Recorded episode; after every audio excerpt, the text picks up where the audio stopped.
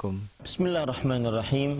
السلام عليكم ورحمة الله وبركاته. وعليكم السلام. بسم الله الرحمن الرحيم. إن الحمد لله نحمده ونستعينه ونستغفره ونعوذ بالله من شرور أنفسنا وسيئات أعمالنا. من يهده الله فلا مضل له ومن يضلل فلا هادي له.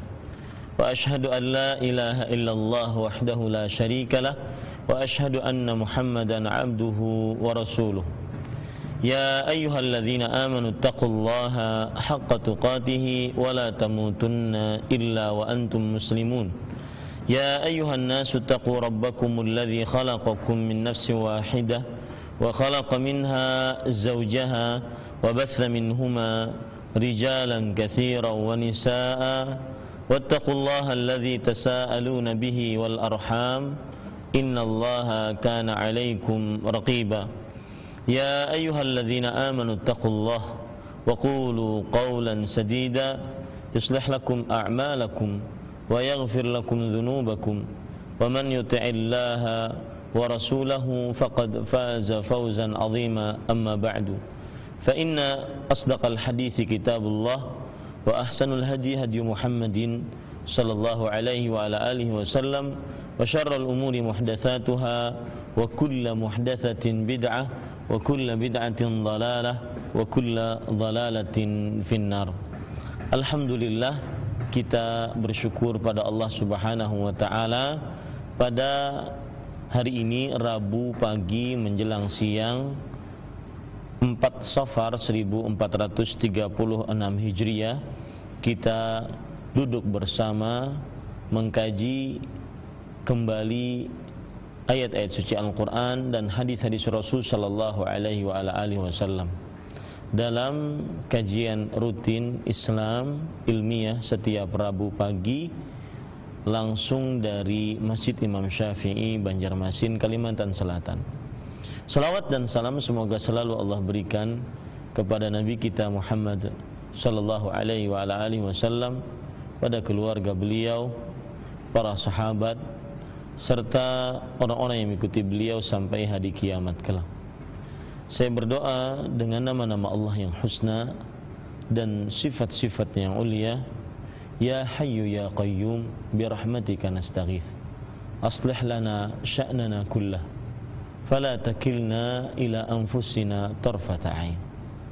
Wahai yang maha hidup dan berdiri sendiri. Dengan rahmatmu kami meminta pertolongan dalam keadaan yang sempit. Maka janganlah sandarkan diri kami kepada diri kami walau sekejap mata pun. Bapak Ibu saudara-saudari yang dimuliakan oleh Allah semoga para pemirsa sekalian Raja TV dan seluruh kaum muslim yang mengikuti kajian ini dalam keadaan sehat walafiat. Pernahkah Anda menginginkan sesuatu yang sangat Anda inginkan. Pernahkah Anda juga menakuti sesuatu yang sangat Anda takutkan untuk terjadi? Dan kedua hal ini sering dihadapi manusia. Menginginkan sesuatu keinginan sesuatu terhadap sesuatu tersebut sangat memuncak. Bahkan gara-gara dia menginginkan sesuatu maka akhirnya dia menghalalkan segala cara untuk mendapatkan akan hal tersebut. Bahkan mungkin dia bisa membunuh orang gara-gara keinginan terhadap sesuatu tersebut. Atau Anda menakuti terjadinya sesuatu. Bahkan terkadang lebih takut dibandingkan takutnya Anda kepada Allah Subhanahu wa taala maka dalam keadaan seperti ini kepada siapakah Anda bersandar? Dalam keadaan seperti ini dalam syariat Islam ada sebuah amal ibadah yang sangat indah. Ada sebuah amal ibadah yang sangat manis dirasakan oleh hati. Bukan hanya lezat dan manis dirasakan oleh lidah. Ketika kita memahami atau membaca perkataan Ibn Rajab Al-Hambali Beliau mengatakan Innal karba Idza ishtadda Wa ta'azama Wa tanaha Sesungguhnya Kesulitan Jika semakin sulit Semakin Membesar Semakin Memuncak. Fahasala lil abdi al iyas an kashfihi min jihatil makhluqin. Pada saat itu terjadi pada diri seorang hamba keputusasaan untuk minta kelapangan jalan keluar dari para makhluk. Yang ada pada saat itu adalah fata'allaqa qalbuhu billahi wahda. Yang ada pada saat itu bergantung hanya kepada Allah Subhanahu wa taala. Wa man yatawakkal 'ala Allah fahuwa hasbuh kalau sudah bergantung kepada Allah maka Allah yang akan mencukupkan urusannya permasalahannya adalah ketika kita menginginkan sesuatu yang sangat kita inginkan. Dan ketika kita menakuti sesuatu yang sangat kita takuti, maka sebagian manusia bersandar kepada dirinya. Kita takut untuk mendapatkan penyakit. Kita takut anak-anak kita tidak menjadi anak yang saleh kita takut mendapatkan bala musibah di dunia, tabrakan, kebakaran. Kita takut mendapatkan keburukan-keburukan di dunia. Dan kita menginginkan kebaikan-kebaikan. Maka saya katakan, pada saat itu di dalam Islam Allah mensyariatkan ada amalan yang sangat indah yang menjadikan tadi seorang akhirnya hanya bersandar kepada Allah. Amalan ini disebutkan oleh Fadilatul Syekh Abdul Razak bin Abdul Muhsin ibadatun azimatun ibadah yang agung wa huwa min wajibatit tauhid dan amalan ini adalah konsekuensi dari orang yang mentauhidkan Allah jika anda mengaku beribadah hanya kepada Allah anda harus mengamalkan amalan ini. Terutama tatkala tadi tatkala menginginkan sesuatu yang anda inginkan. Atau tatkala menakuti sesuatu yang sangat anda takuti.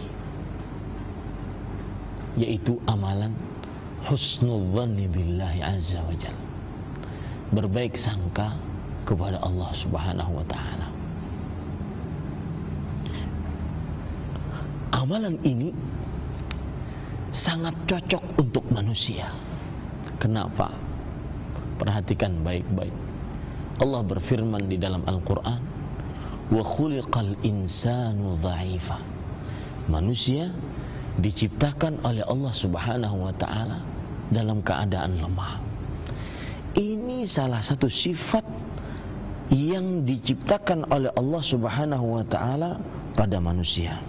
Wa khuliqal insanu dha'ifa. Surat An-Nisa ayat 28. Karena sifat inilah manusia terkadang kapan dia mendapatkan ujian sedikit saja langsung putus asa.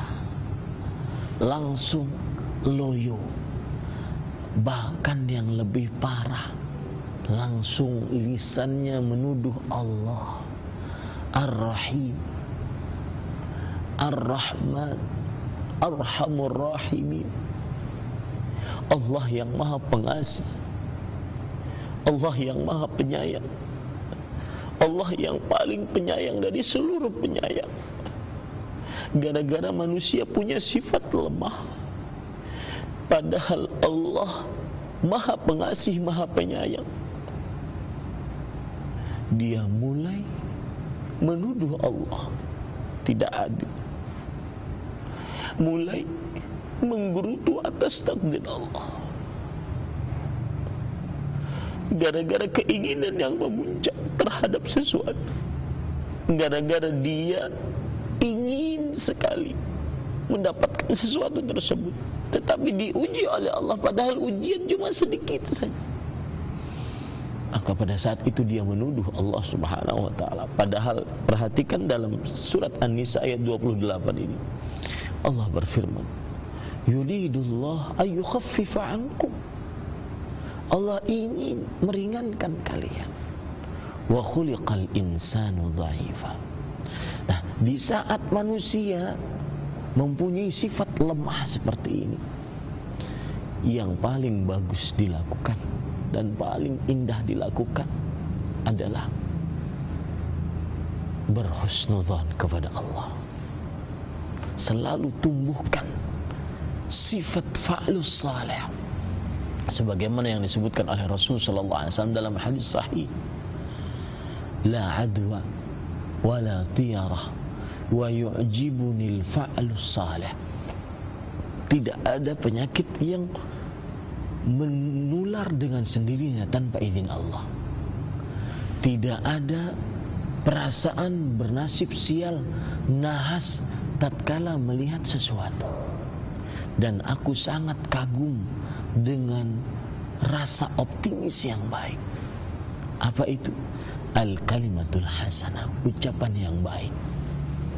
Bapak, Ibu, saudara-saudari, para pemirsa yang dirahmati oleh Allah pada kesempatan kali ini kita akan menyelam kepada indahnya lezatnya mentauhidkan Allah Subhanahu wa taala melalui amal ibadah husnudzanni billah. Pada kesempatan kali ini saya ingin kita merasakan indahnya mengesahkan Allah melalui amal ibadah berhusnudzan kepada Allah Subhanahu wa taala. Perhatikan baik-baik Bapak Ibu saudara-saudari yang dimuliakan oleh Allah. Di dalam beberapa hadis sahih Rasulullah sallallahu alaihi wasallam menyebutkan tentang husnudzanni billah. Bahkan dia adalah sebuah syariat yang sangat ditekankan oleh seorang atas seorang muslim. Perhatikan baik-baik dalam sebuah hadis dari Abu Hurairah radhiyallahu anhu yang diriwayatkan oleh Imam Bukhari dan Muslim. Rasulullah sallallahu alaihi wa alihi wasallam bersabda, "Qala Allah Ta'ala, ana 'inda dhanni 'abdi bi." Allah Subhanahu wa taala berfirman, "Aku sesuai sangkaan hambaku terhadapku." Dalam riwayat Imam Ahmad ditambahkan wa in dhanna bi khairan falahu wa in dhanna syarran falah kalau seandainya ia ber, berprasangka kepadaku kebaikan maka dia akan mendapatkannya kalau seandainya dia berprasangka kepadaku keburukan maka dia akan mendapatkannya di sini Allah Subhanahu wa taala mengajak kepada kita untuk berbaik sangka kepada Allah subhanahu wa ta'ala. Bahkan seperti yang saya sebutkan tadi Al-Syeikh Abdul Razak bin Abdul Muhsin Hafizahullah Ta'ala beliau mengatakan Husnul dhanni billahi Jalla wa ala Ubudiyatun azimatun Wa manzilatun jalilatun Min manazili sairina ila Allah Tabaraka wa Ta'ala Berbaik sangka kepada Allah adalah ibadah yang agung dan kedudukan yang tinggi. Dari kedudukan-kedudukan orang yang ingin berjalan sampai kepada Allah Subhanahu wa taala. Wa huwa min wajibatit tauhid dan dia adalah konsekuensi wajib dari orang yang bertauhid. Bahkan beliau mengatakan bal la yastaqimu tauhidul abdi illa bi husnil dhanni billahi azza wajal. Perhatikan baik-baik. Bahkan tidak lurus tauhidnya seorang hamba kecuali ketika dia berhusnudzan kepada Allah Subhanahu wa taala dari sisi mana? Lihat, perhatikan penjelasannya. Beliau mengatakan berbaik sangka adalah konsekuensi wajib dari orang yang mentauhidkan Allah. Bahkan tidak lurus tauhid kepada Allah kecuali dengan berbaik sangka kepada Allah. Bagaimana penjelasannya? Begini para pemirsa sekalian. Perhatikan baik-baik. Seorang ketika tadi dia sudah tahu dirinya lemah tapi ingin sekali dia mendapatkan sesuatu. Ingin mendapatkan rezeki. Ingin sembuh. Ingin mendapatkan jodoh. Ingin cepat bayar hutang. Ingin mendapatkan pekerjaan. Ingin apa saja. Tapi dalam kelemahannya. Atau dia takut mendapatkan musibah. Dia takut mendapatkan keburukan. Dia takut mendapatkan bala. Dia takut mendapatkan penyakit, anaknya sakit, suami atau istrinya sakit, orang tuanya dicabut nyawanya oleh Allah. Dia takut itu. Dalam keadaan kelemahan dia. Maka pada saat itu apa yang bisa dilakukan? Ketika orang berbaik sangka kepada Allah, berarti tauhid. Catat itu baik-baik. Berbaik sangka sama dengan mentauhidkan Allah. Dari sisi mana? Ketika dia berbaik sangka kepada Allah, Semoga ini yang terbaik dari Allah. Maka secara tidak langsung dia sadari atau dia tidak sadari dia menancapkan di dalam dirinya tauhid rububiyah. Bahwa yang mengatur al-malik, al-khaliq, al-mudabbir hanya Allah. Yang mengatur, yang mencipta, yang berkuasa hanya Allah Subhanahu wa taala. Oleh karenanya saya akan minta tolong kepada Allah. Subhanallah. La yastaqimu tauhidul abdi illa bihusni dhanni billahi jalla wa ala. Tidak akan lurus tauhid seorang hamba kecuali dengan berhusnudzan kepada Allah. Karena ketika dia berhusnudzan kepada Allah Subhanahu wa taala, berarti dia mengakui Al-Khaliq, Al-Malik, Al-Mudabbir huwa Allah Jalla wa ala wahdahu la syarikalah. Yang mencipta, mengatur, berkuasa hanya Allah. Semata, tiada sekutu baginya.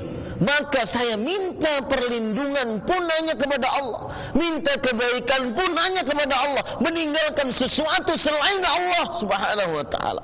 Di sini rahasia di balik berbaik sangka kepada Allah. Dan para ulama mengatakan wa khiratullahi lak khairun min khiratika lak. Subhanallah artinya pilihan Allah untukmu lebih utama, lebih baik dibandingkan pilihanmu terhadap dirimu sendiri. Bapak Ibu saudara-saudari, di situ indahnya, lezatnya, manisnya berbaik sangka kepada Allah. Berbaik sangka kepada Allah berarti kita sedang menanamkan iman yang mengatur, yang berkuasa, yang mencipta hanya Allah Subhanahu wa taala. Makanya saya tidak akan pernah kalau Allah yang mengatur saya, Allah yang mencipta saya, Allah yang memelihara saya, maka tidak akan pernah bersinggungan dengan sembahan lain selain Allah Subhanahu wa taala. Di sinilah rahasia Nabi Muhammad sallallahu alaihi wasallam bersabda dalam hadis riwayat Imam Muslim.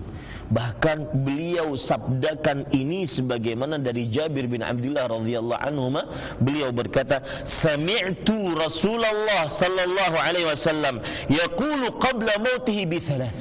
Aku mendengar Rasul sallallahu alaihi wasallam bersabda sebelum meninggalnya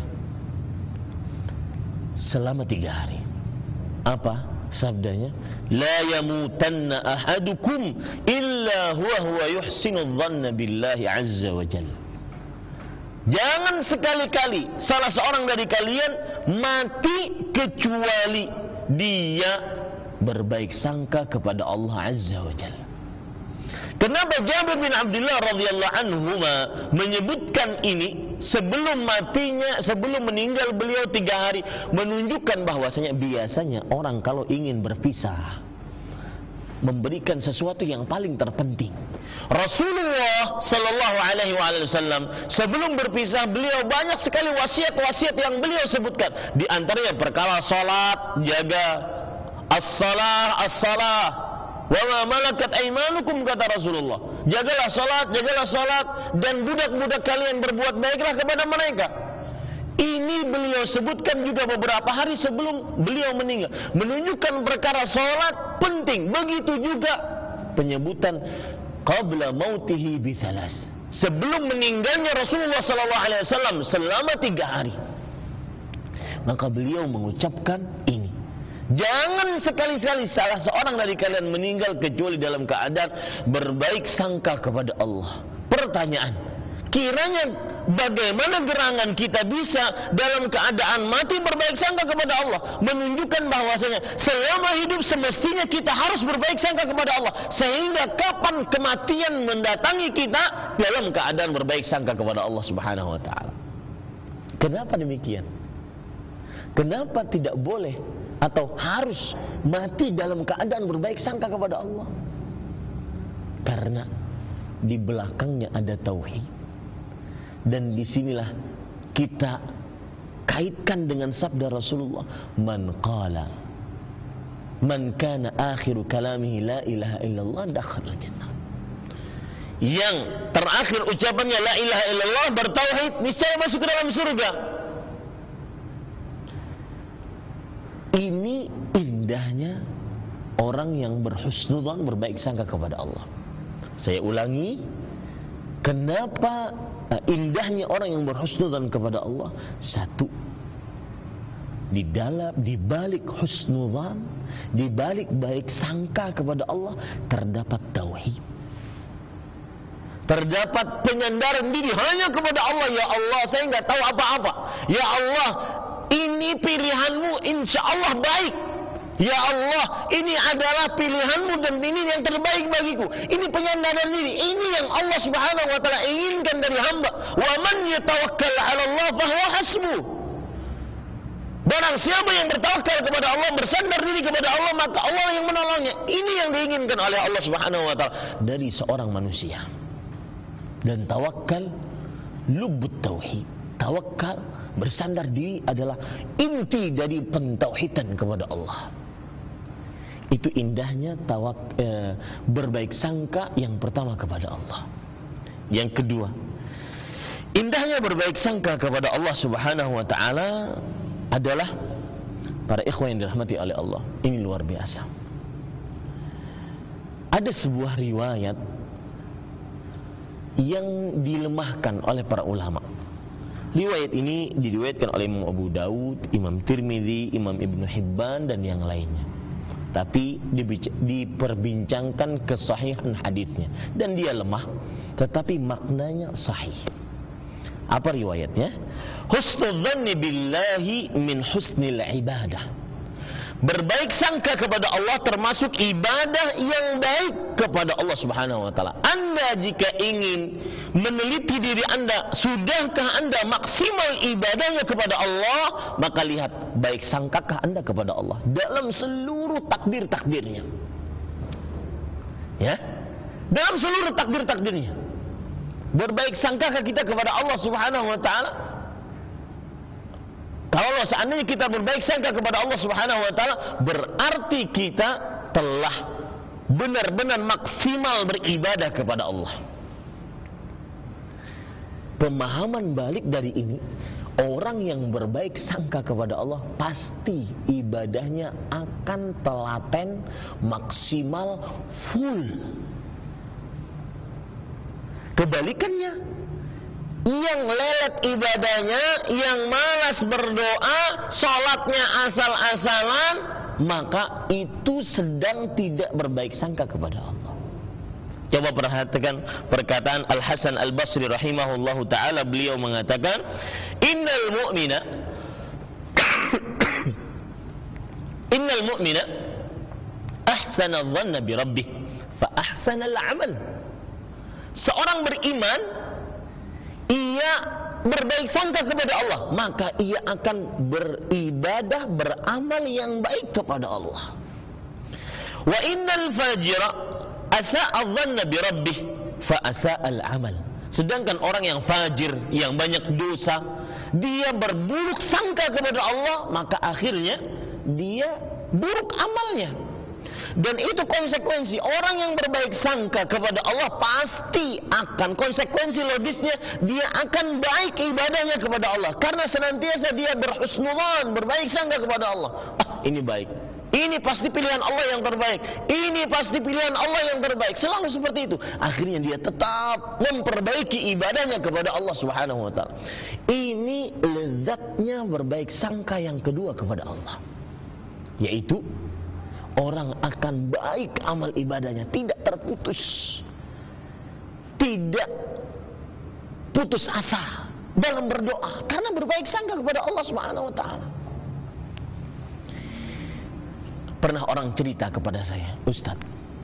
Dan lihat ya, ini trik iblis.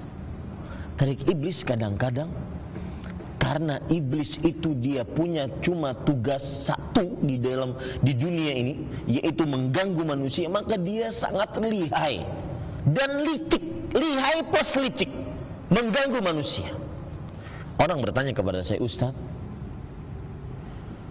saya tahu setelah mendengar kajian bahayanya hutang dan saya tinggal, tidak ingin meninggalkan hutang saat saya mati. Tetapi kenapa ya? Saya berdoa terus kepada Allah agar hutang saya dikabul eh, di, bisa saya lunasi. Sehingga saya tidak terlilit dengan hutang.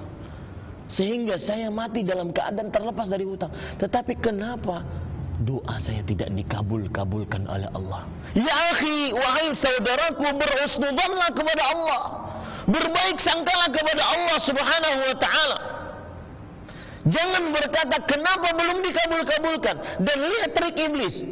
Dia memulai dengan perkara yang terlihat indah. Saya ingin bayar hutang, saya tidak mau e, meninggal dalam perkara hutang, tetapi di akhirnya dia mencela Allah Subhanahu wa taala. Seakan-akan Allah tidak perhatian kepada hambanya. Ya akhi subhanallah. Saya sering mengatakan, Bapak ibu saudara saudari para pemirsa yang dirahmati oleh Allah. Ketika anda diuji oleh Allah dengan berbagai macam ujian. Maka kapan anda berdoa? Kok ujiannya belum diangkat-angkat? minimal hikmah yang paling utama yang Allah berikan yang bisa membuat kita tetap merhusnulan kepada Allah adalah minimal kita masih menada kedua tangan kepada Allah Subhanahu wa taala di saat manusia sebagian besar lupa yang namanya ini lupa yang namanya berdoa kepada Allah Subhanahu wa taala Minimal anda melaksanakan amalan yang sangat disukai oleh Allah. Laisa syai'un akrama 'ala Allah min du'a. Tidak ada sesuatu yang lebih mulia di sisi Allah dibandingkan berdoa karena di dalamnya terdapat husnudzan. Di dalamnya terdapat baik sangka kepada Allah. Dan dari husnudzan tersebut terdapat tauhid kepada Allah. Saya bersandar hanya kepadamu ya Allah. Apa pun engkau lakukan kepadaku, ha, itulah pilihan. Dan pilihanmu terbaik ya Allah. Begitu semestinya. Jangan malah menuduh Allah seakan-akan Allah tidak mau saya bayar hutang Ustaz. Kok saya tidak dikabul-kabulkan Ustaz? Saya ingin menjaga kemaluan saya Ustaz. Saya ingin menikah tetapi selalu saja tertahan seakan-akan Allah membiarkan saya untuk berzina. Sebegitu burukkah Allah Subhanahu wa taala? Sering Bapak Ibu saudara-saudari yang dimuliakan oleh Allah kita menuduh Allah dengan tuduhan yang keji. Sering Bapak Ibu saudara-saudari yang dimuliakan oleh Allah kita menganggap Allah tidak adil. Saya pernah berhadapan dengan seseorang ketika saya sebutkan ancaman-ancaman tentang riba. Ancaman-ancaman tentang berhutang dengan riba. Maka saya katakan kepada orang tersebut, Pak, yakin dengan janji Allah, Pak. Ya mahaqullahu riba wa yurbis sadaqah. Allah menghancurkan harta riba. Kata Allah, Imam Ibn Kathir menafsiri ayat ini menghancurkan dua makna. Yang pertama, hancur uangnya. Habis, sehabis-habisnya tidak tersisa. Yang kedua, masih tersisa uangnya akan tetapi tidak bisa diambil manfaatnya. Yakini itu Pak. Maka beliau berkata, Ustaz, saya yakin dengan firman Allah. Tapi cuma di lisan. Perkataan itu cuma di lisan. Buktinya apa? Beliau kemudian mengucapkan perkataan yang lain. Beliau mengatakan, Ustaz, saya sudah mencoba ke mana-mana untuk meminjam uang, untuk modal, untuk mengobati penyakit, untuk ini, untuk itu. Tidak dapat yang halal. Sepertinya yang halal sulit sekali. Maka akhirnya saya terpaksa untuk meminjam. Bapak ibu saudara saudari. Lihat perhatikan berbaik sangkalah kepada Allah. Di dalam syariat-syariatnya. Mustahil Allah arhamur rahimin. Allah yang pengasih dari seluruh yang mengasihi ketika membuat syariat. Allah menyulitkan hamba-hambanya mustahil. Wallahi mustahil. Demi Allah itu sesuatu yang mustahil dalam hak Allah. Kita yang menuduh Allah tidak baik. Kita yang berburuk sangka kepada Allah. Dan itu sering kita lakukan sebagai manusia. Air susu yang diberikan oleh Allah, nikmat yang diberikan oleh Allah kita selalu balas dengan air toba. Dengan perkataan-perkataan yang buruk, nikmat kita pakai untuk maksiat. Tatkala tidak diberikan nikmat kita mengeluh Allah tidak adil padahal nikmat di mana-mana kita dapatkan. Berbaik sangka kepada Allah Subhanahu wa taala wahai saudara. Allah Subhanahu wa taala berfirman wa ataakum min kulli ma sa'altumu. Allah memberikan apa saja yang kalian minta. Imam Ibnu Katsir mengatakan qala ba'dus salaf min kulli ma sa'altumu wa lam tas'alu. Sebagian ulama salaf menafsiri ayat ini Allah memberikan apa saja yang kalian minta dan apa saja yang kalian belum kalian minta Allah kasih. Bapak Ibu saudara-saudari yang dimuliakan oleh Allah berbaik sangkalah. Maka niscaya kita akan kita akan baik amalnya. Kita akan baik amalnya. Kita akan senantiasa optimis. Kita akan senantiasa tetap terus beribadah kepada Allah Subhanahu wa taala. Tidak terputus-putus. Itu indahnya berbaik sangka kepada Allah. Indahnya yang ketiga dari indahnya berbaik sangka kepada Allah Subhanahu wa taala. Allah berfirman dalam surah Az-Zumar ayat 53. Qul ya ibadiyalladzina asrafu ala anfusihim la taqnatu min rahmatillah. Innallaha yaghfiru dzunuba jami'an. Katakan wahai hamba-hamba Katakanlah wahai Muhammad Wahai hamba-hambaku Yang melampaui batas Atas dirinya sendiri Janganlah kalian berputus asa dari rahmat Allah Subhanahu wa taala. Sesungguhnya Allah mengampuni seluruh dosa. Sesungguhnya Allah Maha Pengampun dan Maha Pengasih. Ayat ini membuat kita bisa berbaik sangka kepada Allah. Dan di sinilah lezatnya orang yang berbaik sangka kepada Allah. Indahnya yang ketiga dari indah keindahan berbaik sangka kepada Allah. Senantiasa dia tidak akan pernah putus asa dari dua sisi. Putus asa dari minta kebaikan dan putus asa dari meminta maghfirah ampunan. Orang yang terus berbaik sangka kepada Allah tidak pernah berputus asa dia mengenal betul bahwasanya Allah Al-Ghafur, Allah Ar-Rahim. Maka dia tidak pernah berputus asa. Tidak pernah berputus asa tatkala dia bermaksiat dan manusia tidak lepas dari maksiat. Bahkan Allah Rasul sallallahu alaihi wasallam mengatakan, "Lau lam tudnibu la jaa la dhahaba ankum wa jaa bikum yudhnibun. Eh kama qala Nabi sallallahu alaihi wasallam. Kalau seandainya kalian tidak berdosa, berdosa maka Allah akan menghabiskan kalian. Kemudian Allah akan menggantikan orang-orang selain kalian yang berdosa sampai mereka bertobat kepada Allah Subhanahu wa taala. Intinya apa? Manusia tidak lepas dari dosa. Saking lemahnya dia, banyaknya sifat buruk yang dia miliki, punya hawa nafsu yang dia miliki, ada iblis yang selalu mengganggu dia, bahkan mengganggu seperti mengalir di dalam darahnya. Makanya dia tidak lepas dari dosa. Makanya Allah menyediakan pintu taubat. Allah Subhanahu wa taala menginginkan kita selalu bertobat. Orang tidak akan pernah lepas dari bertobat kepada Allah tatkala kapan? Tatkala dia berhusnudzan kepada Allah. Ini indahnya. Innallaha yuhibbut tawabin wa yuhibbul mutatahhirin. Allah mencintai orang-orang yang selalu bertobat. Kapan Anda bisa selalu bertobat? Bukan hanya taib, bukan hanya bertobat sekali, tidak. Selalu bertobat, selalu lisannya basah dengan istighfar. Astaghfirullah wa atubu ilaih.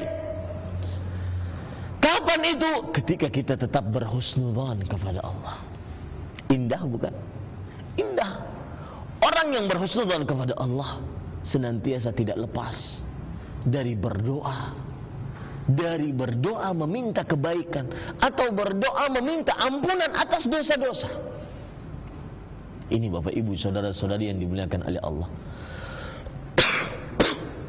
Kemudian perlu diperhatikan Bapak Ibu saudara-saudari yang dimuliakan oleh Allah.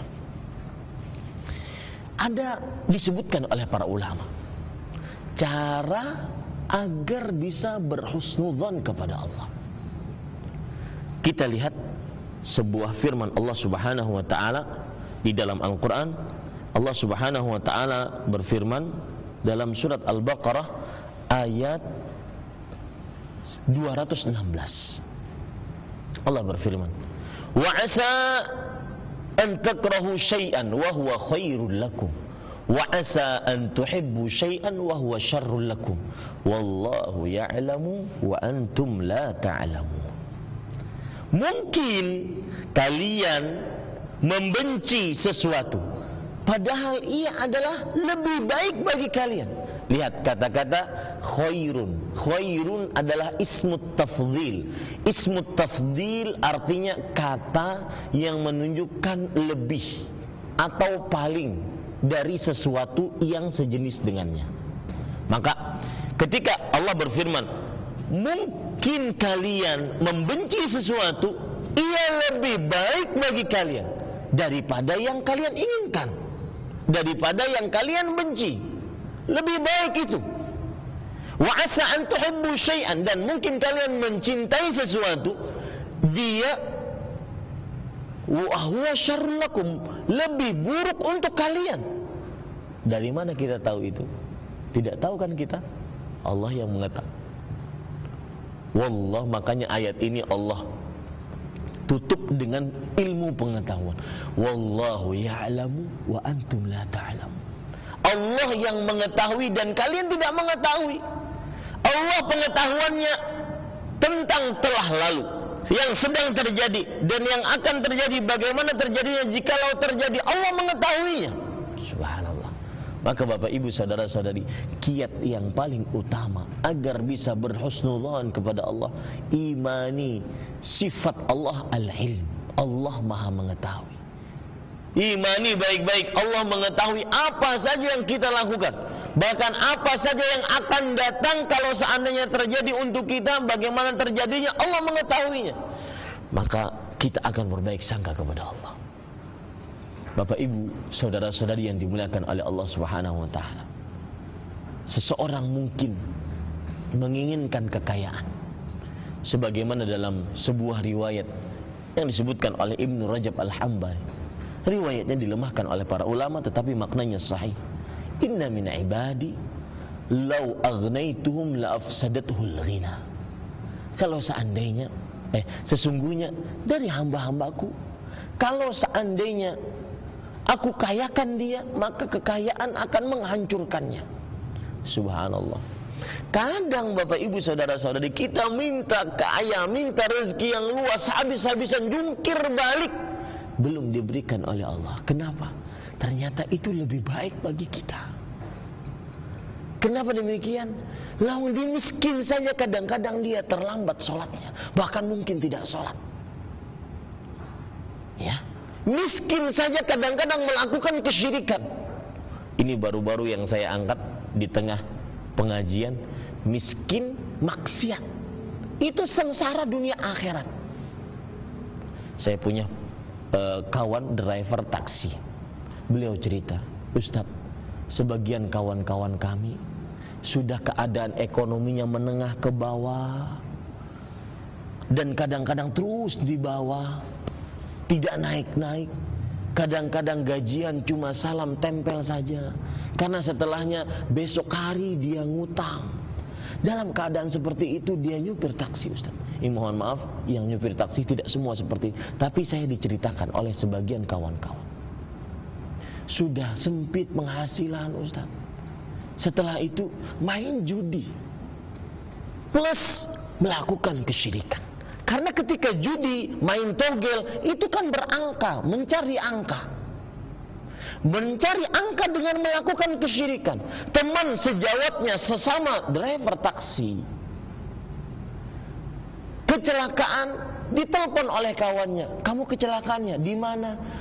yang nomor plat yang menabrak kamu atau yang kamu tabrak berapa subhanallah bukannya malah ditolong akan tetapi malah mencari kesyirikan gara-gara judi sudah miskin maksiat sengsara dunia akhirat kapan itu bisa kita hilangkan ketika kita berhusnudzan kepada Allah Inilah Bapak Ibu saudara-saudari mungkin ketika dia berdoa oleh Allah diberikan oleh uh, berdoa diberikan rezeki oleh Allah Subhanahu wa taala tidak diberikan oleh Allah karena dia miskin saja dia bermaksiat kepada Allah. Bagaimana kalau dilapangkan hidupnya oleh Allah Subhanahu wa taala? Mungkin bertambah maksiat. Kemudian Bapak Ibu saudara-saudari yang dimuliakan oleh Allah.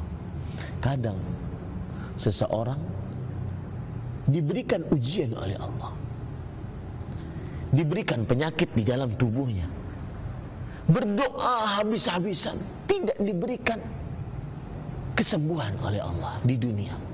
Ternyata kenapa? Allah ingin menjaga matanya. Allah ingin menjaga kakinya Allah ingin menjaga tangannya agar tidak bermaksiat sebagaimana orang-orang sehat lainnya. Bukankah ini kebaikan dari Allah? Kenapa kita selalu menuduh Allah dengan tidak baik? Lihat cerita Abdullah bin Zaid al-Jarmi. Seorang buntung tangan buntung kaki mata rabun telinga sudah lemah pendengaran. Cerita ini dikisahkan di dalam kitab As-Siqat yang ditulis oleh Imam Ibn Hibban rahimahullah ta'ala dalam keadaan seperti itu lisan beliau masih bisa mengucapkan Allahumma auzi'ni an ashkura ni'mataka allati an'amta biha alayya. Allahumma auzi'ni an ahbadaka hamdan ukafiu bihi syukra ni'mataka allati an'amta biha alayya wa faddaltani ala kathirin mimman khalaqta tafdila. Lihat orang-orang yang diberikan ujian sekecil kecil oleh Allah tetapi sudah sering menggerutu berputus asa menuduh Allah tidak adil lihat yang diujikan kepada Abu Qilabah muridnya dari Abdullah bin Abbas, Abdullah bin Zaid Al-Jarmi rahimahullah, seorang tabi'i terkenal, buntung kaki, buntung tangan, lemah pendengaran, belabun penglihatan.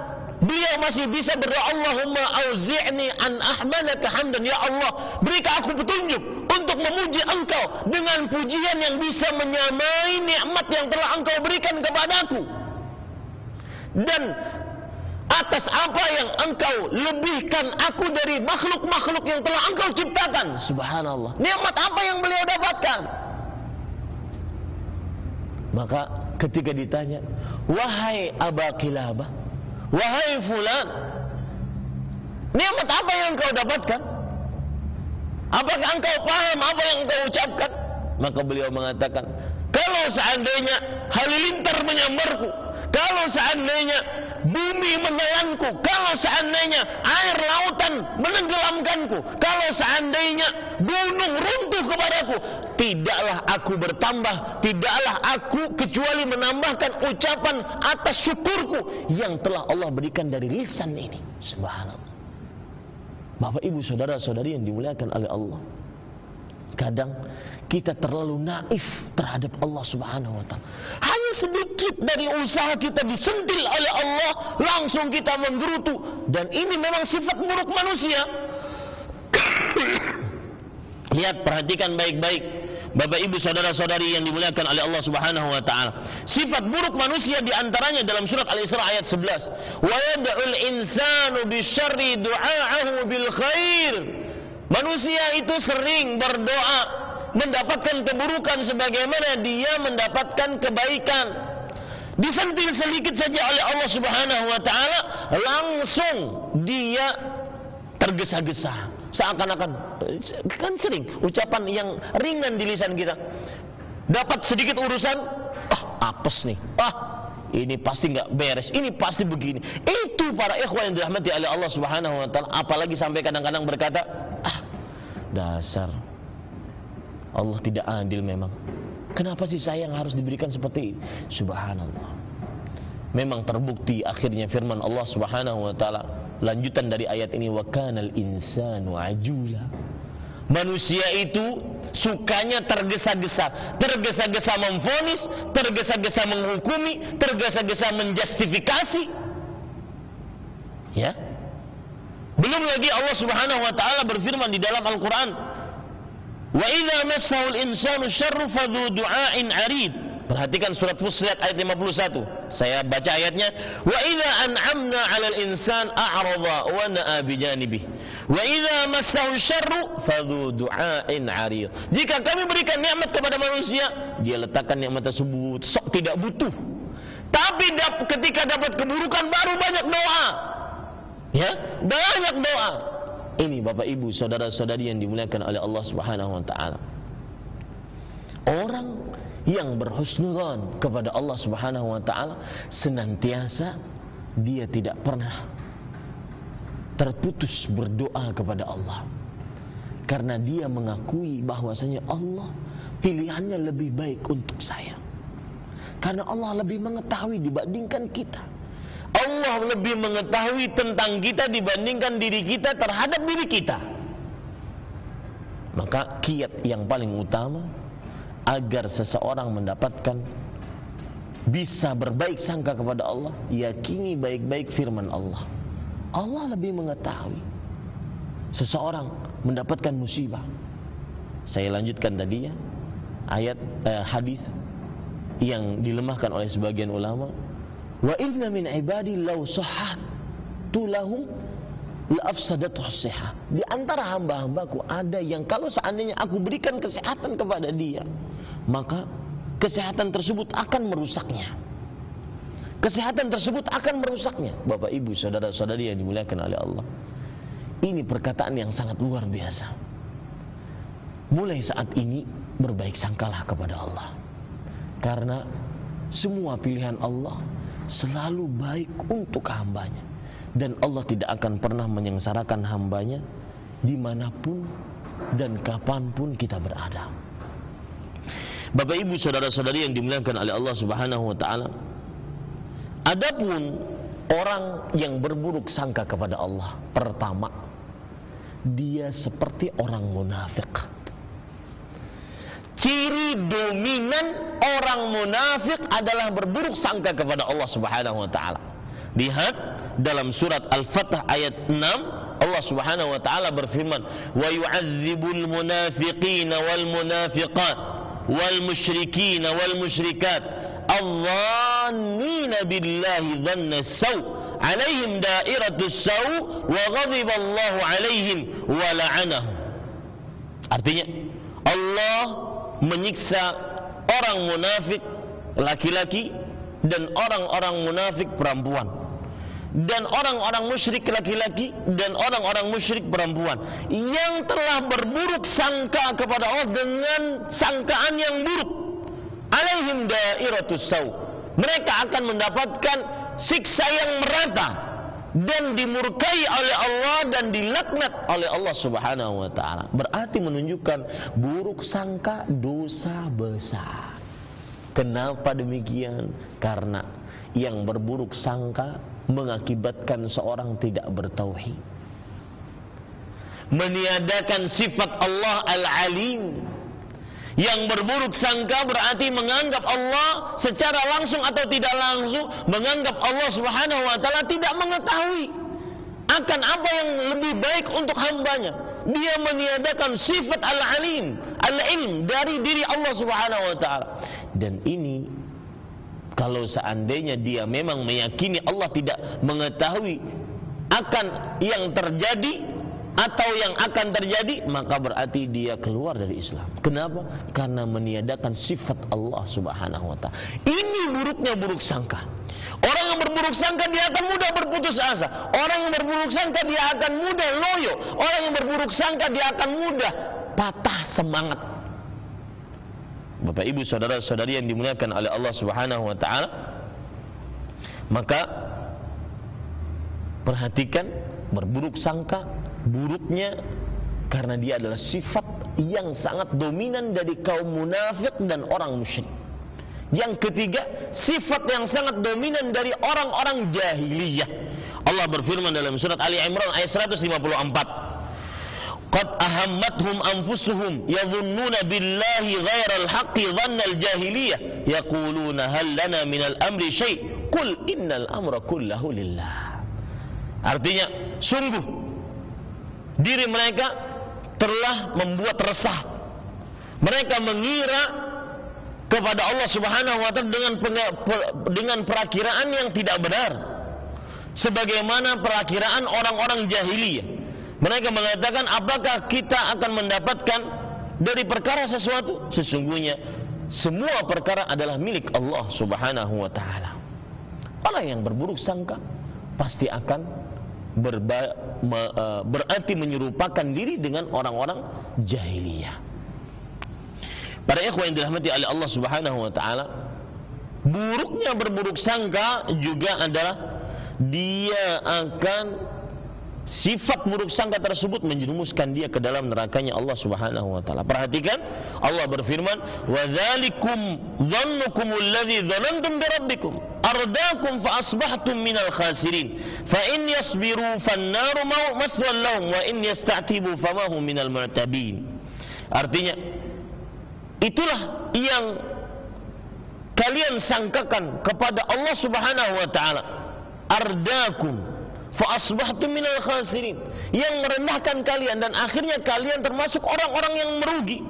Kalau seandainya mereka sabar, maka nerakalah tempat yang paling pantas untuk mereka. Wa in yastatibu famahu minal mu'tabin. Artinya kalau seandainya mereka tetap berburuk sangka kepada Allah, neraka paling pantas untuk mereka.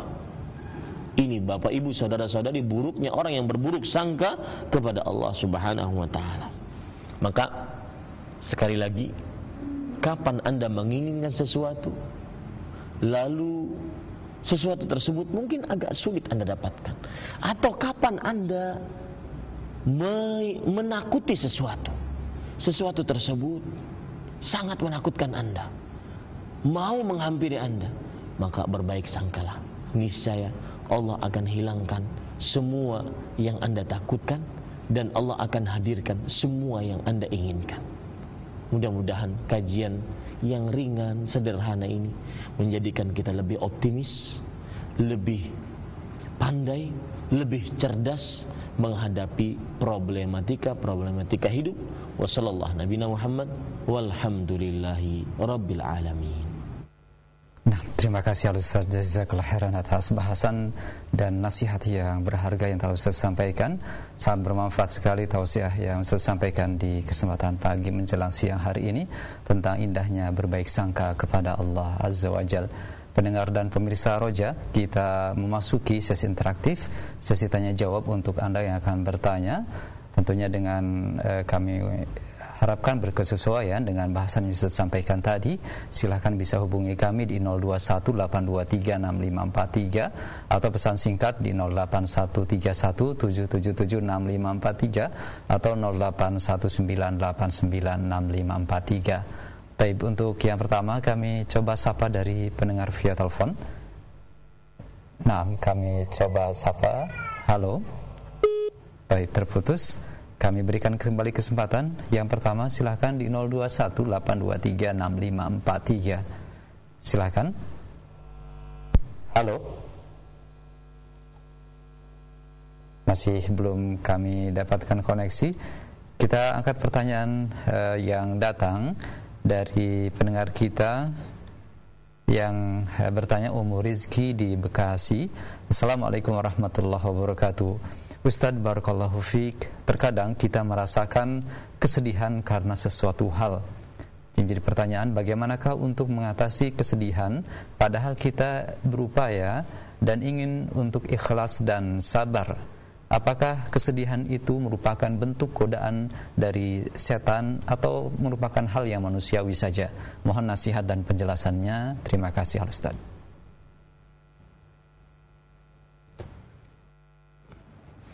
Ya, bismillah, alhamdulillah, wassalatu wassalamu ala rasulillah. Bapak ibu, saudara-saudari yang dimuliakan oleh Allah subhanahu wa ta'ala.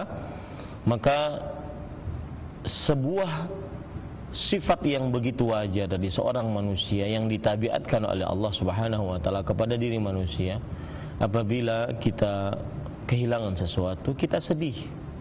Jangankan kehilangan ya orang-orang yang kita cintai. Kehilangan sesuatu yang kadang diremehkan saja kita sedih kita merasa kehilangan merasa rugi merasa menyesal apalagi kehilangan orang-orang yang dicintai mendapatkan musibah dengan diwafatkannya orang-orang yang dicintai, kita sedih. Maka ini adalah sesuatu yang wajar. Rasul sallallahu alaihi wasallam bersabda ketika anaknya Ibrahim radhiyallahu anhu meninggal, beliau mengatakan innal qalba la yahzan wa innal aina la tadma. Wa inna bi firaqika ya Ibrahim la mahzunun. Wala naqulu illa ma yurdi rabbana. Artinya, sesungguhnya hati akan sedih air mata berlinang dan sesungguhnya kita berpisah dengan engkau wahai Ibrahim adalah sangat sedih ini menunjukkan bahwasanya sedih ketika mendapat musibah itu sesuatu yang manusiawi tetapi harus diingat kesedihan tersebut pun sudah diatur dalam agama Islam di antaranya kita tidak boleh mengucapkan sesuatu kecuali yang mendatangkan ridha Allah Subhanahu wa taala Makanya ketika kita mendapatkan seperti itu kita mengucapkan innalillahi wa inna ilaihi rajiun.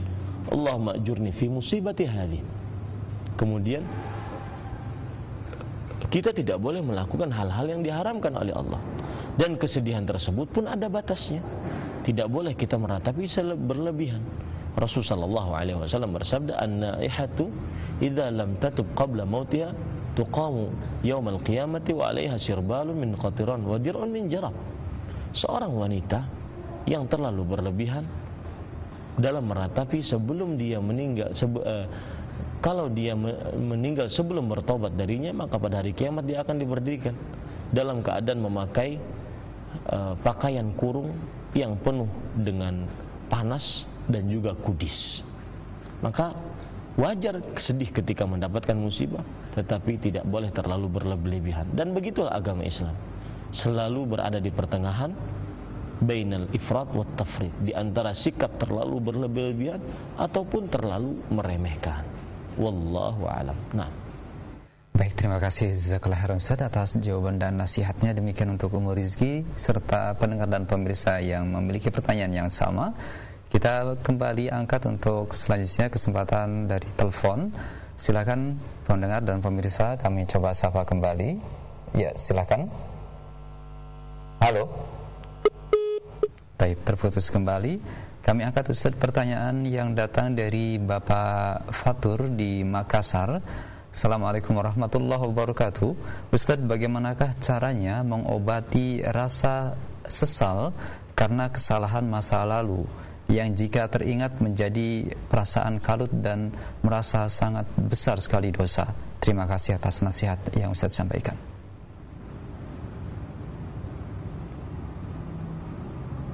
Ya, Bismillah, Alhamdulillah, wassalatu wassalamu ala rasulillah. Kepada Bapak Fatur yang ada di Makassar Maka saya ucapkan Bapak yang pertama bersyukur kepada Allah.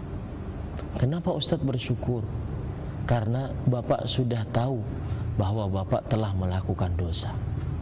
Tidak semua orang Mengakui dosanya. Dan tidak semua orang Merasa dia berdosa Perasaan seperti itu saya pribadi sangat membutuhkannya. Perasaan merasa berdosa, tidak aman dari dosa. Kebanyakan manusia merasa suci, aman dari dosa. Padahal Allah berfirman, "Fala tuzakku anfusakum, huwa a'lamu biman ittaqa." Janganlah kalian merasa suci terhadap diri kalian. Allah yang lebih mengetahui siapakah yang lebih bertakwa dari kalian. Jadi pertama bersyukurlah kepada Allah. Punya perasaan berdosa, punya perasaan uh, telah melakukan maksiat. Yang kedua, cepat-cepatlah bertaubat kepada Allah atas dosa yang pernah kita kerjakan. Atas dosa yang pernah kita kerjakan. Bertobat dengan ikhlas, bertobat dengan menyesal, bertobat dengan meninggalkan perbuatan dosa tersebut sama sekali. Bertobat untuk tidak melakukan dosa itu sama sekali. Dan bertobat untuk mengembalikan hak-hak orang lain yang pernah ada pada kita yang pernah kita walimi dari orang-orang tersebut. Yang ketiga saya katakan memintalah kepada Allah Subhanahu wa taala ketetapan hati. Karena ketika kita merasa berdosa merasa menyesal atas apa yang telah dilakukan itu petunjuk dari Allah. Minta selalu itu kepada Allah. Agar selalu ada di dalam diri, diri kita.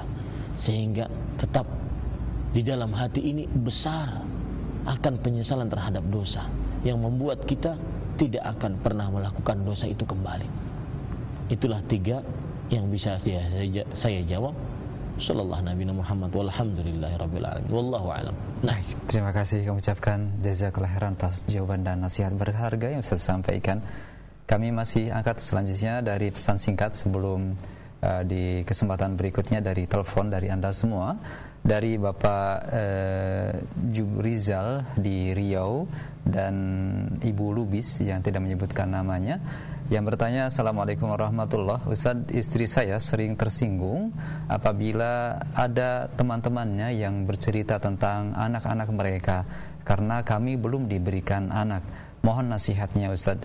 Kemudian dari e, Ibu Lubis yang bertanya bahwa anak saya masih e, belum diberikan keturunan padahal sudah nikah lima tahun kami terus berupaya untuk berdoa agar Allah memberikan anak Apakah ini dibenarkan Ustadz? Mohon nasihat terhadap hal ini. Terima kasih.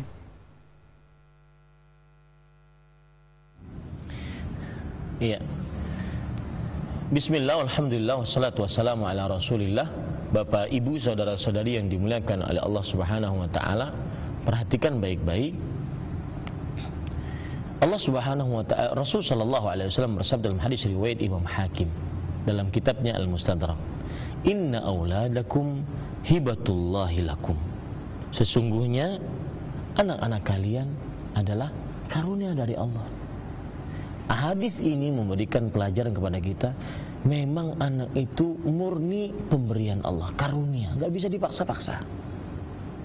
Kemudian Rasulullah Shallallahu Alaihi Wasallam membaca ayat ya yahabu liman yasha'u inathan wa yahabu liman yasha'u dzukura au yuzawwiduhum dhukranan wa inasan.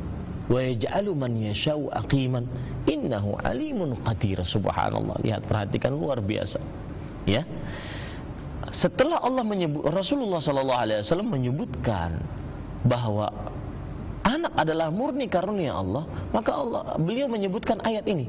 Surat asy-syura ayat 30 eh 49 sampai 50 yang berbunyi Allah memberikan karunia kepada siapa yang dikehendakinya anak-anak perempuan.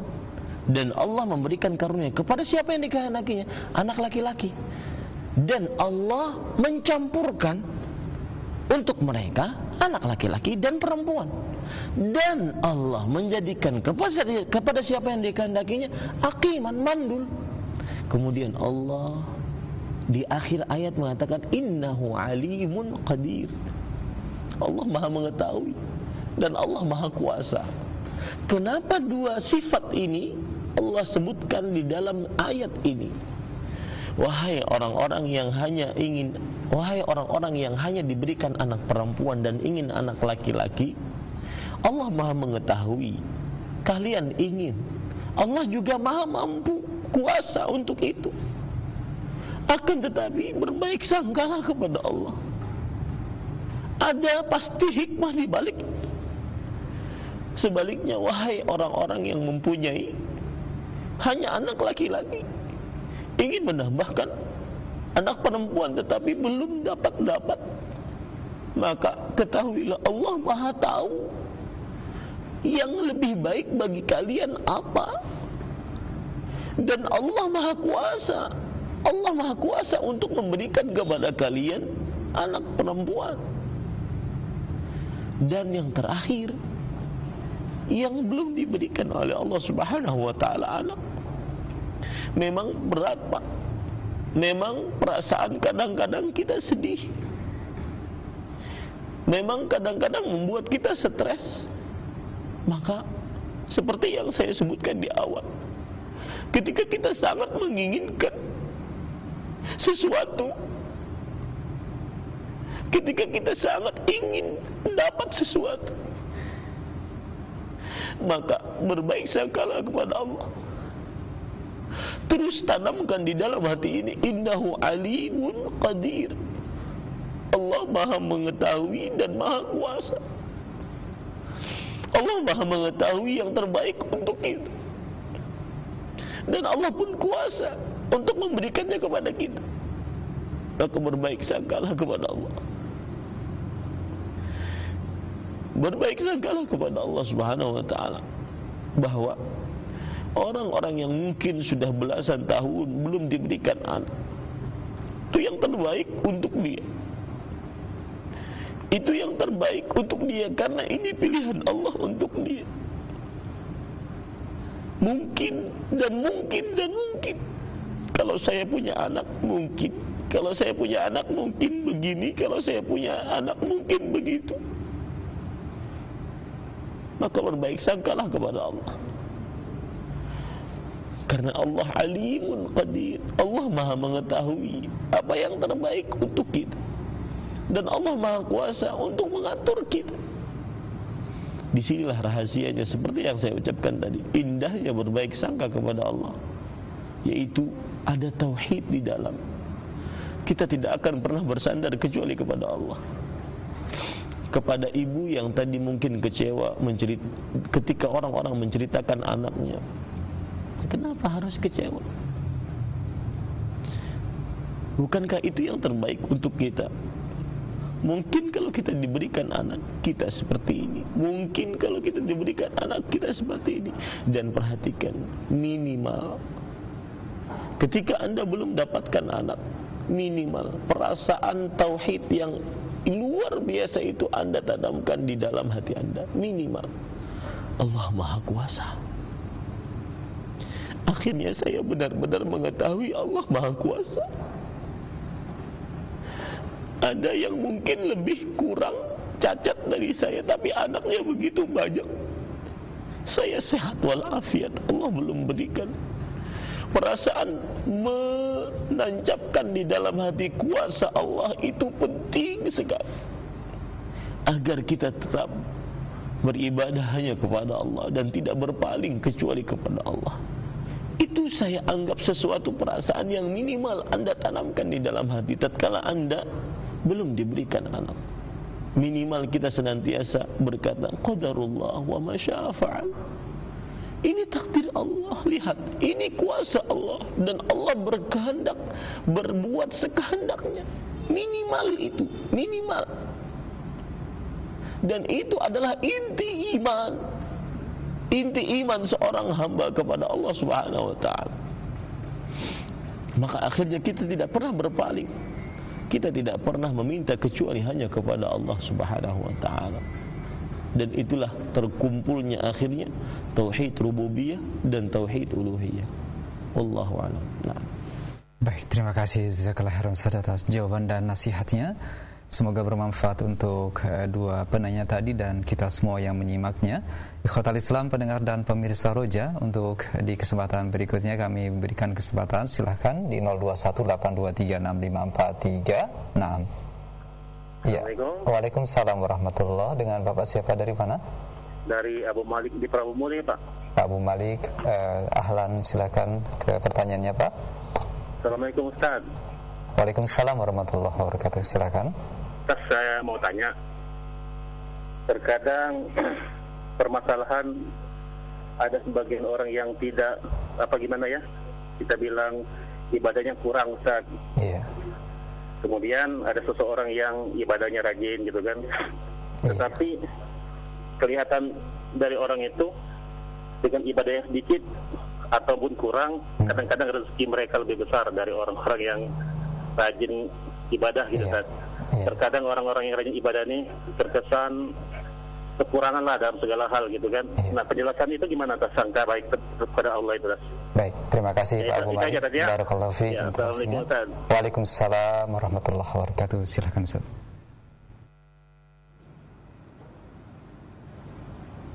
Bismillah, Alhamdulillah, wassalatu wassalamu ala rasulillah Terima kasih pertanyaannya kepada Bapak Abu Malik dari Prabu Mulih Mudah-mudahan saya bisa kembali ke sana Untuk kita bersua kembali Mengkaji ayat-ayat suci Al-Quran dan hadis-hadis Rasul Sallallahu Alaihi Wasallam.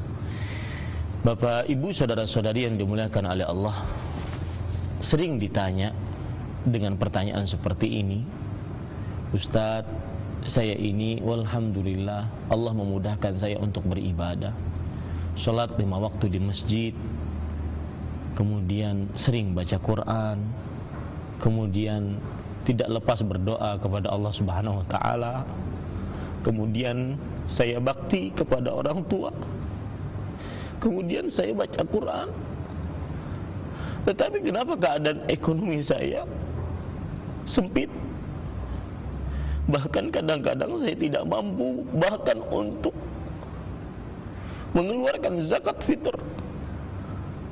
Jangankan berkurban, zakat fitr saja saya terhimpit. Saya bakti, saya taat sama Allah Subhanahu wa taala. Sedangkan banyak orang-orang yang tidak taat kepada Allah. Mereka malah diluaskan rezekinya. Dilapangkan hartanya bahkan segala macam kenikmatan dunia mereka dapatkan. Maka Bapak Ibu saudara-saudari yang dimuliakan oleh Allah.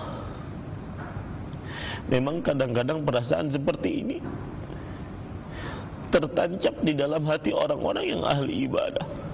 Orang-orang yang taat kepada Allah, orang-orang yang takut untuk bermaksiat kepada Allah.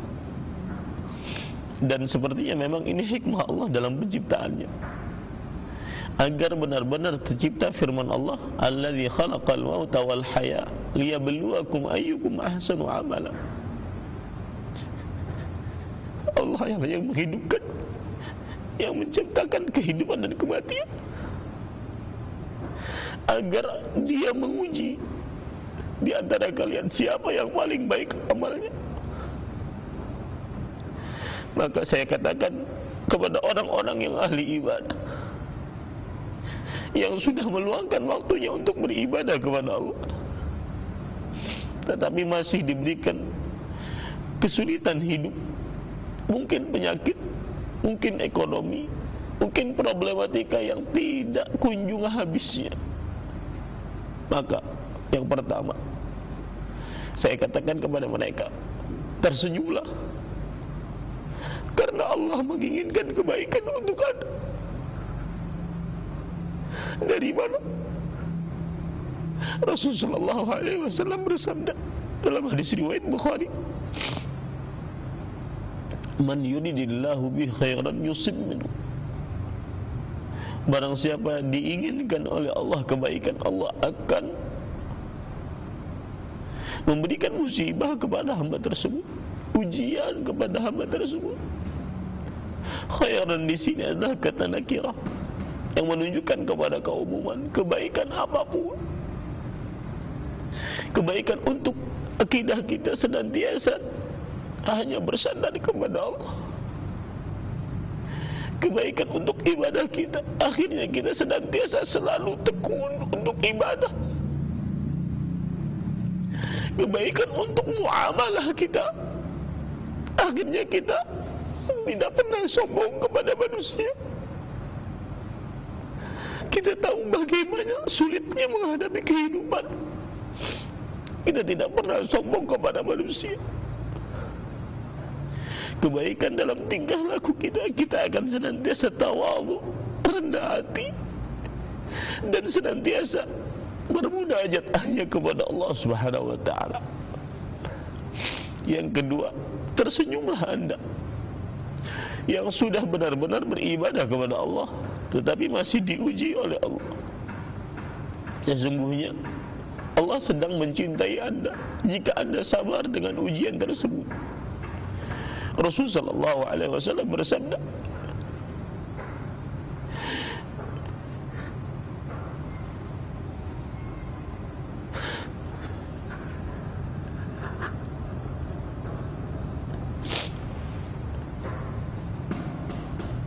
Inna Allah idha habba qawman ibtala Allah subhanahu wa Jika mencintai seorang manusia Allah akan mengujinya Sebesar cinta Allah Sebesar ujian dari Allah Sebesar itulah cinta Allah subhanahu wa ta'ala.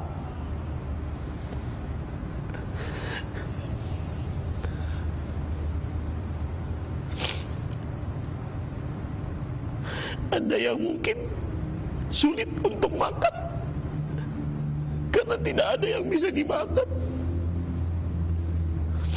Ada yang mungkin terlilit dengan hutang setiap hari, bingung mau bayar hutang bagaimana.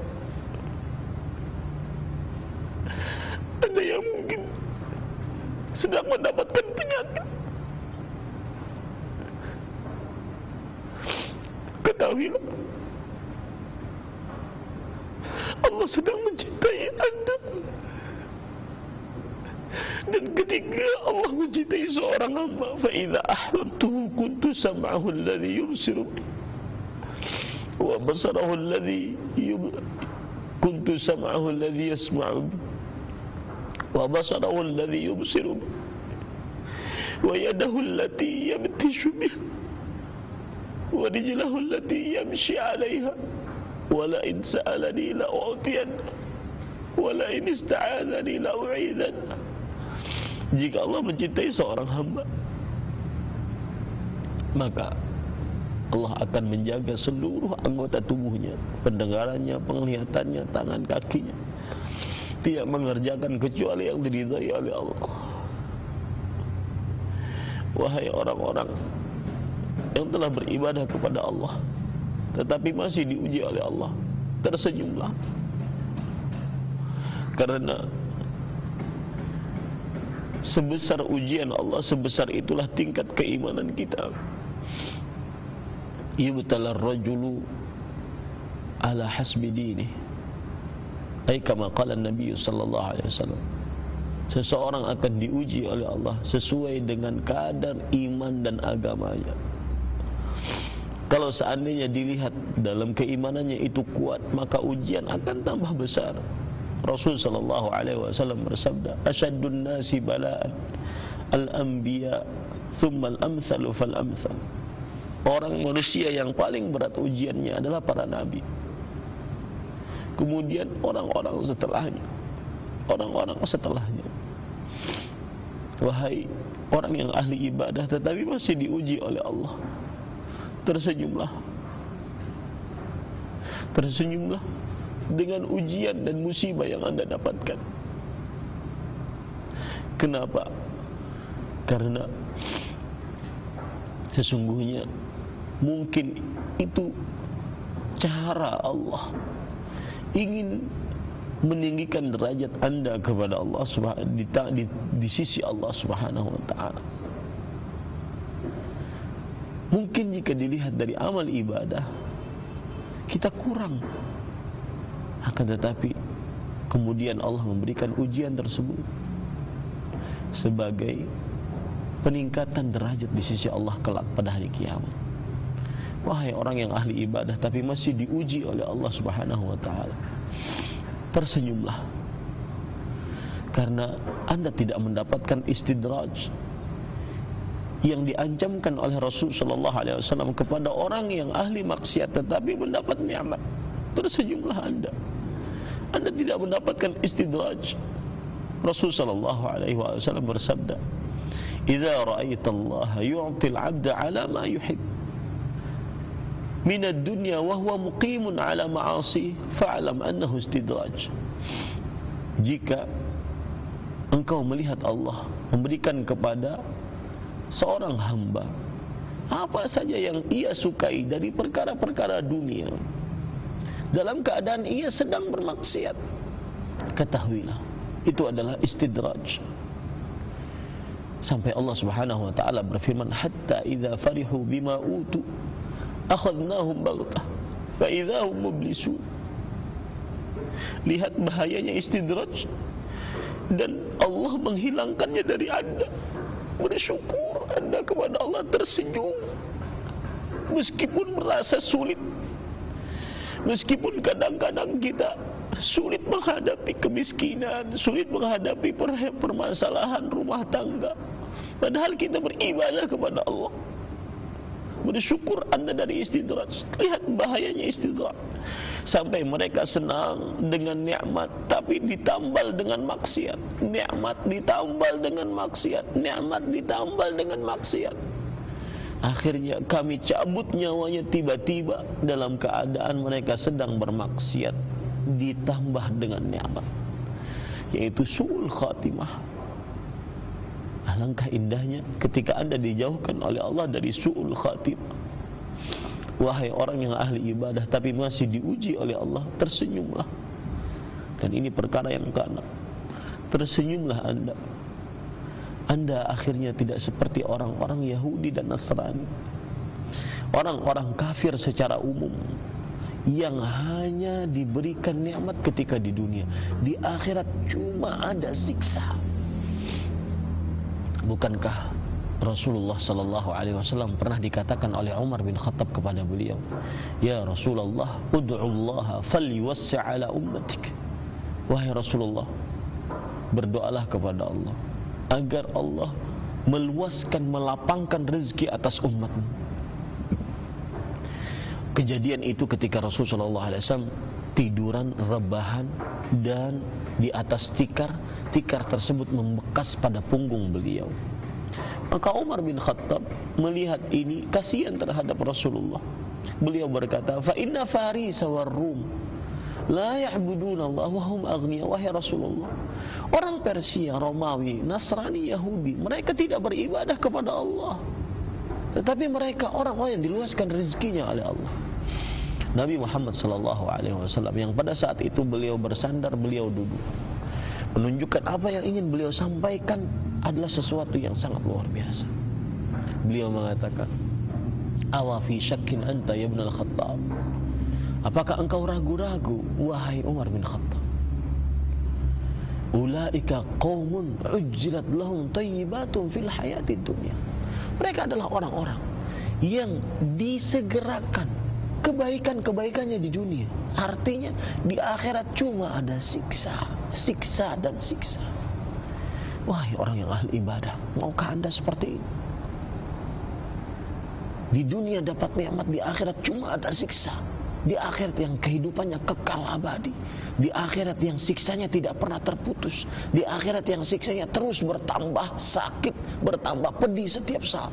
Di akhirat yang satu harinya bagaikan seribu tahun sebagai panen di dunia. Maukah anda? Maka bersyukurlah tersenyumlah. Ketika anda sudah beribadah tetapi masih mendapatkan musibah. Wallahu alam. Nah Terima kasih Al-Ustaz Jazakallah khairan atas jawaban dan nasihatnya. Demikian Bapak Abu Malik di Prabu Muli. Jawaban dan nasihat ini juga untuk pendengar dan pemirsa yang bertanya via pesan singkat yang telah dikirimkan yang berkesesuaian. Kita berikan kesempatan untuk yang kedua via telepon kembali. Silakan untuk Anda yang akan bertanya di 0218236543. Nah, silakan. Halo, iya. Assalamualaikum. Ya. Waalaikumsalam warahmatullahi wabarakatuh. Silakan dari mana Bu? Dari Firliana di situ Bondo. Ya, Ibu Firliana. Mohon maaf dikecilkan volume TV-nya Bu ya. Ada feedback yang cukup mengganggu. Silakan Ibu. Ustaz. Silakan. Ini kan kebanyakan penceramah atau apa uh, para ustadz um, bilang seperti ini tidaklah aku ciptakan engkau Muhammad. Uh, gini tidaklah engkau ciptakan dunia kalau enggak ada Rasulullah katanya. Ini ini bagaimana uh, yang seperti ini Ustaz? Syukron wa jazakallahu khair. Assalamualaikum warahmatullahi wabarakatuh. Waalaikumsalam warahmatullahi wabarakatuh. Wa jazakillah khairan untuk Ibu Firliana. Baik Ustaz silakan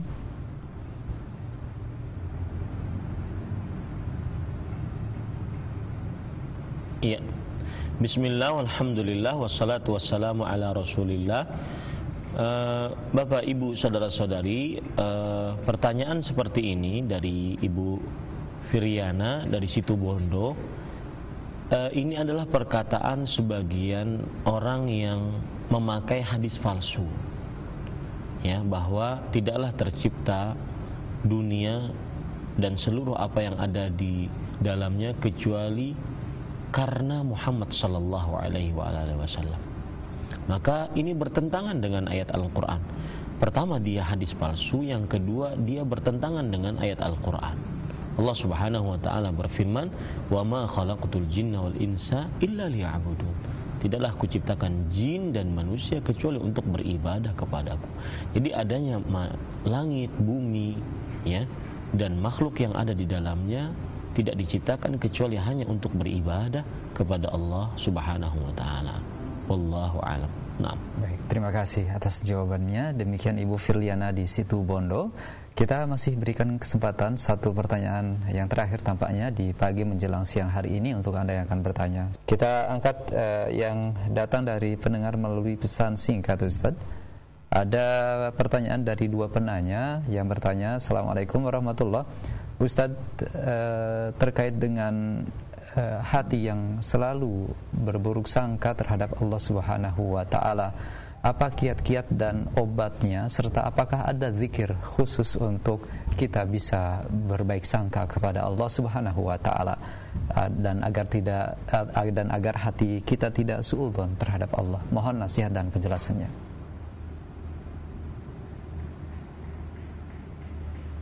Ya. Bismillah, walhamdulillah, wassalatu wassalamu ala rasulillah. Terima kasih atas pertanyaannya.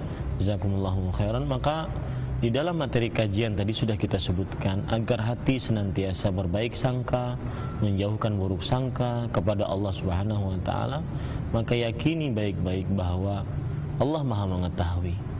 Mengetahui apa yang telah terjadi Yang sedang terjadi dan akan terjadi. Bagaimana terjadinya jikalau terjadi ini menuntun kita senantiasa puas dengan takdir Allah. Senantiasa akhirnya berbaik sangka kepada Allah. Kemudian yang kedua, yakini baik-baik Allah Maha Kuasa. Maka kita akan senantiasa berbaik sangka kepada Allah. Allah Maha Kuasa atas segala sesuatu. Inna Allah ala kulli syai'in qadir. Allah Maha Kuasa atas segala sesuatu. Yang ketiga, yakini baik-baik firman Allah yuridullah bikumul yusra wala yuridu bikumul usra. Allah tidak mengingin Allah menginginkan bagi kalian kemudahan tidak menginginkan kesulitan bagi kalian. Juga firman Allah yang semisal dengannya la yukallifullah nafsan illa usaha Allah tidak membebani seseorang kecuali dengan dengan kesanggupannya kemampuannya. Adapun amalan doa ataupun berzikir maka saya belum dapati uh, amalan khusus untuk tetap berbaik sangka kepada Allah. Akan tetapi bacalah doa ya muqallibal qulub tsabbit qalbi ala dini wahai yang membolak-balikkan hati tetapkan hatiku di atas agamamu. Rahasia kenapa Rasulullah sallallahu alaihi wasallam sering membaca doa ini? Karena salah satunya adalah agar kita senantiasa hati kita tetap tergantung kepada Allah hati kita tetap bersandar hanya kepada Allah yang menyebabkan kita terus berbaik sangka kepada Allah Subhanahu wa taala. Ini mungkin kajian yang kita bisa sampaikan. Sallallahu Nabi Muhammad. Jangan lupa sebelum Anda mengucapkan perkataan yang ketus terhadap Allah, sebelum Anda berprasangka buruk kepada Allah, maka dahulukanlah prasangka baik, niscaya Anda akan tetap mentauhidkan Allah niscaya Anda akan tetap beribadah yang maksimal kepada Allah.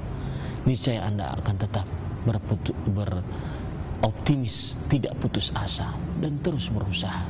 Karena khiratullahi lak khairun min khiratika lak. Pilihan Allah untukmu lebih baik dibandingkan pilihanmu untuk dirimu. Sallallahu Nabi Muhammad walhamdulillahi rabbil alamin.